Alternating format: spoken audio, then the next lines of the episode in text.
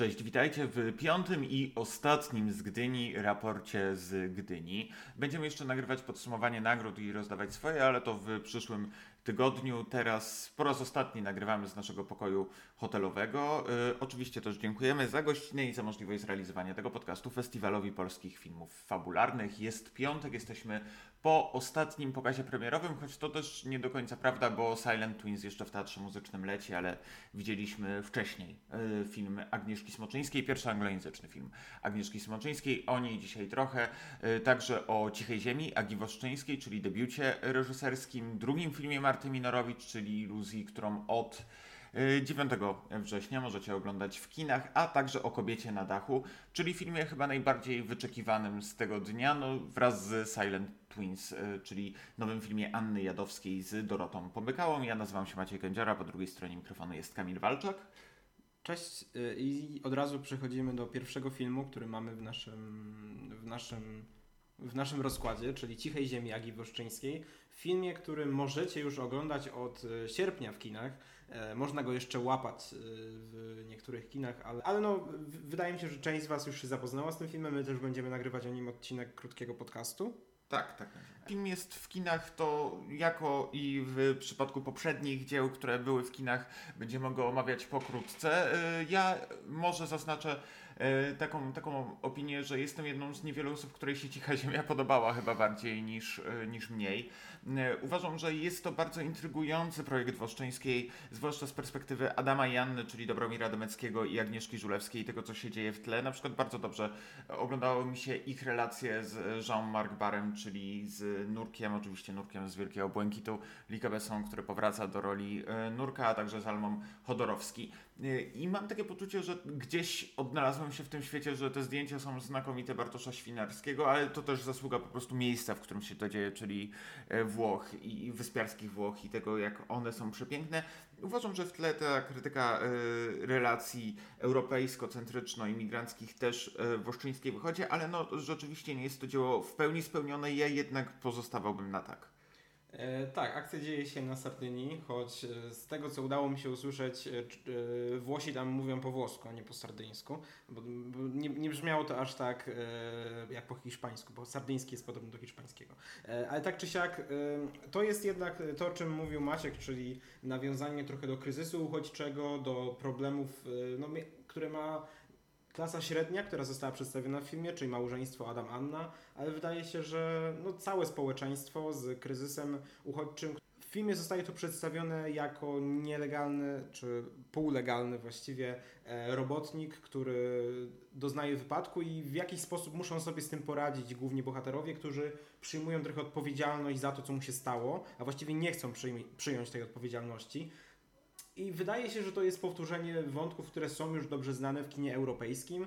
E, bardzo dobrze znane są innymi przez Rubena Östlunda i no, Turystę, gdzie problem był bardzo podobny. Tutaj także mamy do czynienia troszkę z kryzysem męskości, a przede wszystkim z tym kryzysem w małżeństwie, co widać przede wszystkim przez anomię tego związku, która postępuje coraz bardziej, coraz większe niedogadywanie się między sobą bohaterów, brak konwersacji. To jest chyba też to, o czym mówiła Woszczyńska, że chciała zrobić ten film, to znaczy o e, tych problemach związanych z komunikacją i e, no, z tym, że nie potrafimy ze sobą rozmawiać w taki przystępny sposób, który wyjaśniłby te rzeczy, które prowadzą potem no, chociażby do rozwodów, e, co nie mówię tutaj, że spoileruję film, ale jakby wiadomo o co chodzi, kiedy chodzi o e, problemy komunikacyjne i opowiadanie o tym w kinie. Ja jeszcze zaznaczę, że tutaj oczywiście główne role gra Dobromir Dymecki i Agnieszka Żulewska, którzy też wystąpili w krótkim metrażu Agi Woszczyńskiej. To jest takie rozwinięcie trochę tych fragmentów, tak się nazywał ten film. Może przejdźmy już do ocen ode mnie zaskakująco wysokie, chyba jak na reakcję na ten film 7 na 10 a ode mnie odpowiednie do reakcji, choć jak przedstawiłem negatywną ocenę, ale znajduję też pozytywy w tym filmie. Nie uważam, że jest jakiś tragiczny. E, niektóre rzeczy mu wychodzą. E, ode mnie to, z tego co pamiętam, było 4 na 10. I lecimy dalej. E, a kolejnym filmem jest Iluzja Marty Minorowicz. E, film z główną rolą Agaty Buzek i to tak naprawdę Agata Buzek gra tutaj pierwsze skrzypce i trochę próbuje dźwigać ten film. E, jest na podstawie scenariusza także Marty Minorowicz, Minorowicz i Piotra Borkowskiego. Mm, A inne role gra tutaj na przykład y, Marcin Czarnik, czy Sandra Drzymalska, czy Karol Bernacki, ale niestety akurat w tym filmie wszystkie te role, które są drugoplanowe, schodzą właściwie na trzeci i czwarty plan, bo pojawiają się bardzo, bardzo rzadko i ten Marcin Czarnik, który na początku dużo obiecuje, on y, podobnie jak reszta bohaterów bardzo szybko znika i akcja właściwie koncentruje się na Agacie Buzek i jej bohaterce, czyli Hannie, która próbuje znaleźć y, zaginioną córkę.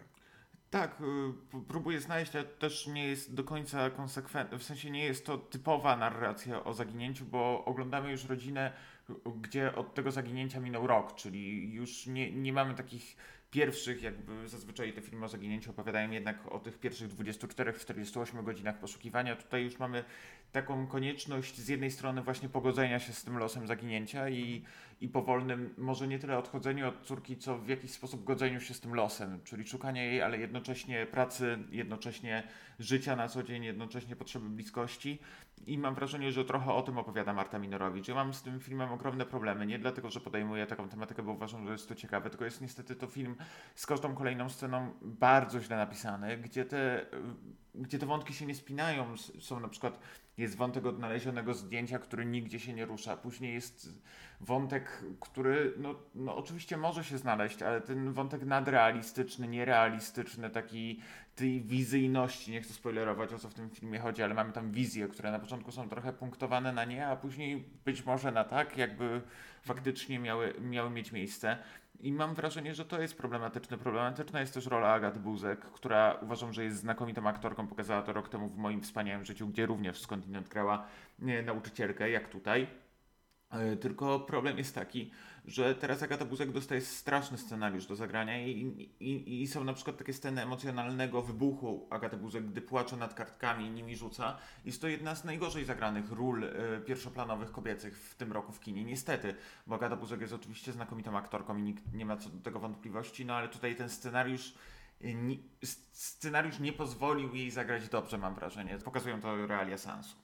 No to jest też kwestia tego, że jeśli stawia się na jednego aktora, właściwie jedną aktorkę, która ma udźwignąć cały film, bo rzeczywiście 90% akcji dzieje się wokół Agaty Buzek i też do, dostaje taką e, rolę, która jest trochę niewdzięczna pod względem tego, jak została napisana, to znaczy poza tym, co mówi Maciek, że no, pewne sceny emocjonalne nie wychodzą, to wydaje mi się, że sama bohaterka, e, jej emocje tutaj nie wychodzą z scenariusza i ja z tym też mam problem. Mam też problem z niektórymi scenami dialogów. Ogólnie wydaje się, że to jest fatalnie napisany film e, pod bardzo wieloma względami. On próbuje być takim trochę antykryminałem w tym sensie, że no to nie chodzi tak naprawdę o poszukiwanie córki, tylko o odnajdywanie siebie. Znamy ten motyw. E, I jako antykryminał ja polecałem ten film, ale jak polecam ten film w sensie negatywnym, to nie jest raczej dobry film i No i chyba pozostaje wystawić ocenę. Ode mnie ocena chyba najostrzejsza, jaką wystawiłem w tym roku w konkursie, czyli ocenę 2 na 10.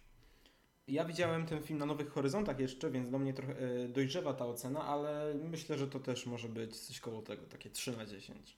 Y, Dobrze, kolejnym filmem jest film, który nam mm, się podobał, ale mamy do niego zarzuty, tutaj spoilerując, czyli Kobieta na dachu Anny Jadowskiej.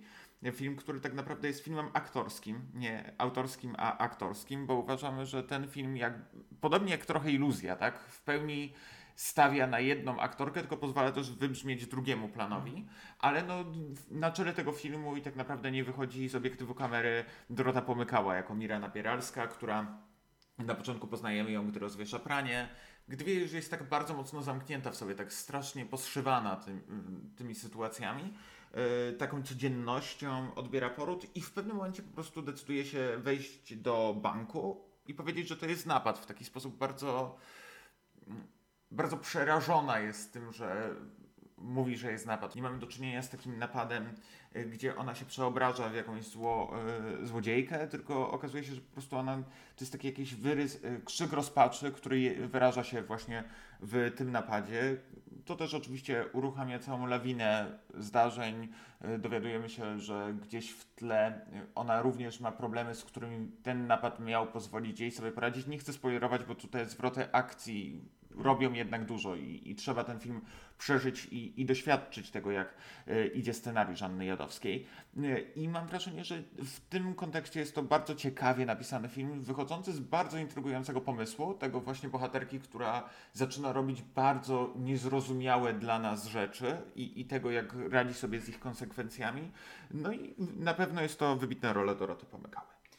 Też ciekawy jest ten film pod względem motywacji bohaterki. Nie chcemy tutaj za dużo zdradzać, ale no pojawia się na przykład wątek depresji, e, pojawia się wątek kłopotów finansowych, myślę, że to też mogę powiedzieć, ale no te jednak te reakcje e, bohaterki Doroty Pomykały są takie niejednoznaczne i one z jednej strony są irracjonalne, ale też nie możemy ich do końca odrzucić, więc to nie jest film o takiej anomicznej E, postaci, której zupełnie nie rozumiemy i której musimy dopisywać jakieś motywy, tylko my powoli odkrywamy te motywy i powoli odkrywamy, dlaczego bohaterka zachowuje się w ten, a nie inny sposób. Jest to także związane trochę z tym, jak e, została zaszufladkowana w swojej rodzinie, to znaczy ona jest matką, e, mieszka z, ze swoim mężem, mają zmiany w taki sposób, że ona jest położną, on także pracuje na zmiany, on, on, z kolei pracuje na zmiany dzienne, więc już nawet nie śpią ze sobą razem, a ich syn, grany przez Adama Bobika, E, no mimo, że już pochodzi pod 30, to dalej z nim mieszka, ona dalej robi mu kanapki, więc i wydaje się, że tego też ma trochę dość, choć to wciąż nie jest aż tak wyartykułowane,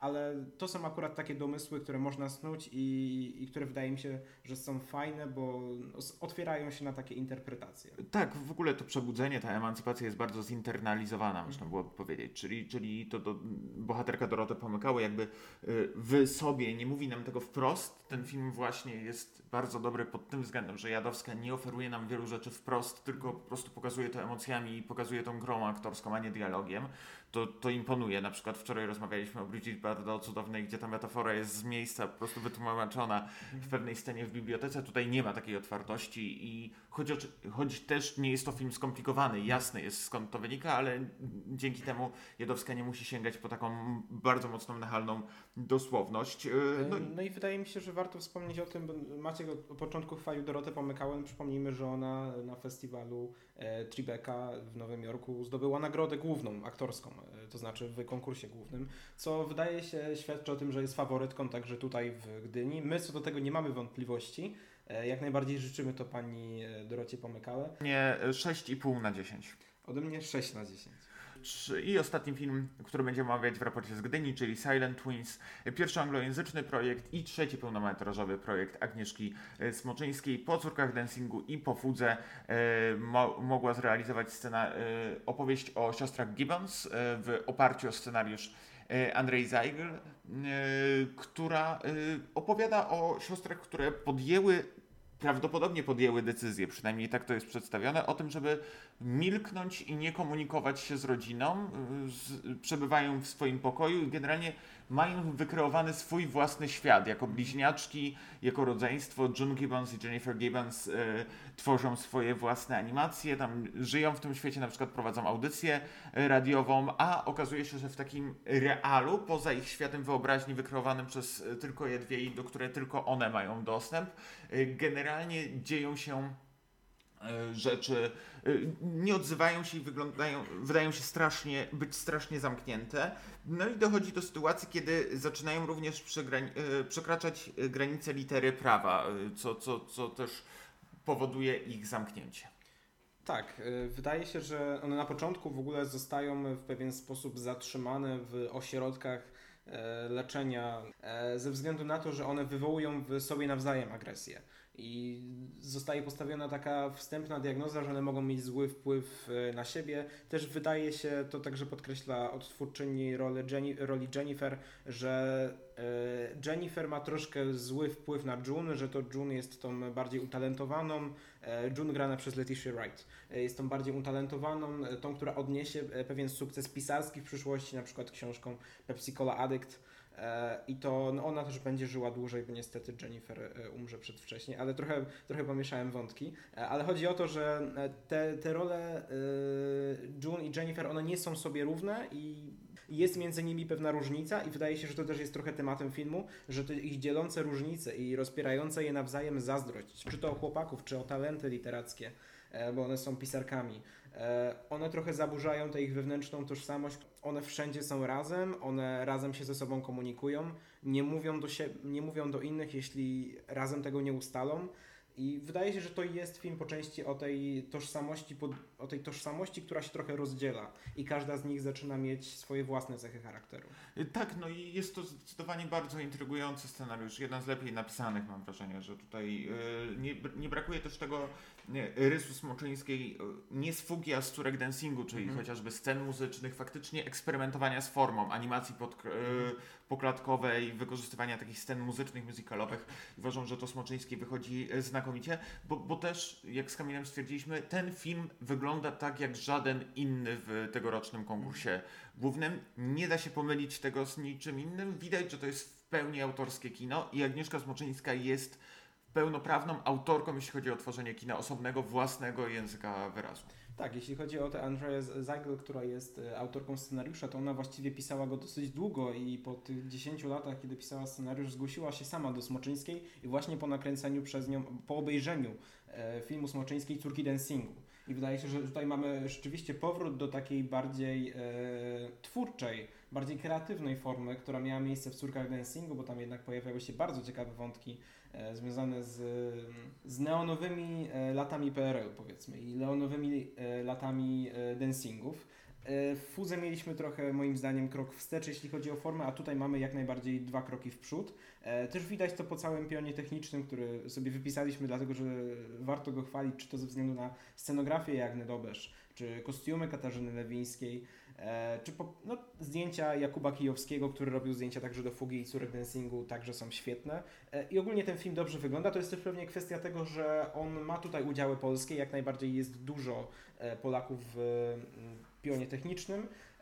Jest, są też pieniądze z PISF-u, ale jest to film, który miał o wiele większy budżet i po prostu więcej pieniędzy na zrobienie tego, co chciał i wydaje się, że pod tym względem jest on spełniony. Częściowo był też kręcony na Dolnym Śląsku, to były te zdjęcia w, w Polsce. I mam wrażenie, że tutaj też należy oddać Jakubowi Kijowskiemu, że udaje mu się uchwycić w tych jego zdjęciach polaryzująco inne światy. Z jednej strony właśnie ten świat wyobraźni, z drugiej strony ten świat realny i one bardzo dobrze ze sobą polaryzują, bardzo się różnią i to świetnie y, działa ze sobą na, na ekranie. Y, Odtwórczynie głównych roli zarówno Lesia Wright, jak i Tamara Lawrence, ale też myślę, że należy tu zauważyć na młodsze wersje, które, które są równie równie znakomite, zwłaszcza, że są to ekranowe debiuty, co tym bardziej imponuje, bo są bardzo świadomie prowadzone, zwłaszcza, że Silent Twins tak naprawdę e, to te młodsze siostry wprowadzają nam rys później starszych e, June i Jennifer i musimy je lepiej zrozumieć, żeby później akceptować te role Les Wright i Tamara Lawrence, to wychodzi. A jeśli chodzi o problemy tego filmu, to ja bym przynajmniej powiedział o swoich, to znaczy moim zdaniem to jest problem z przedstawieniem narracji, zwłaszcza kiedy te dziewczyny są już troszkę starsze e, i trafiają na przykład do szpitala o zaostrzonym rygorze e, i upływają te lata, choć zupełnie tego nie widać i wydaje mi się w negatywnym sensie, e, czy upływają jakieś lata, a to trochę zlewa się w jedno, także pod względem tego, chwaliłem, chwaliliśmy charakteryzację także, ale nie widać trochę tych postępujących lat moim zdaniem i trochę, zwłaszcza w tym wątku szpitalnym, fabuła moim zdaniem trochę się wymyka ale no nie zmienia to faktu, że jest to pewien promil tego, o co tutaj chodzi.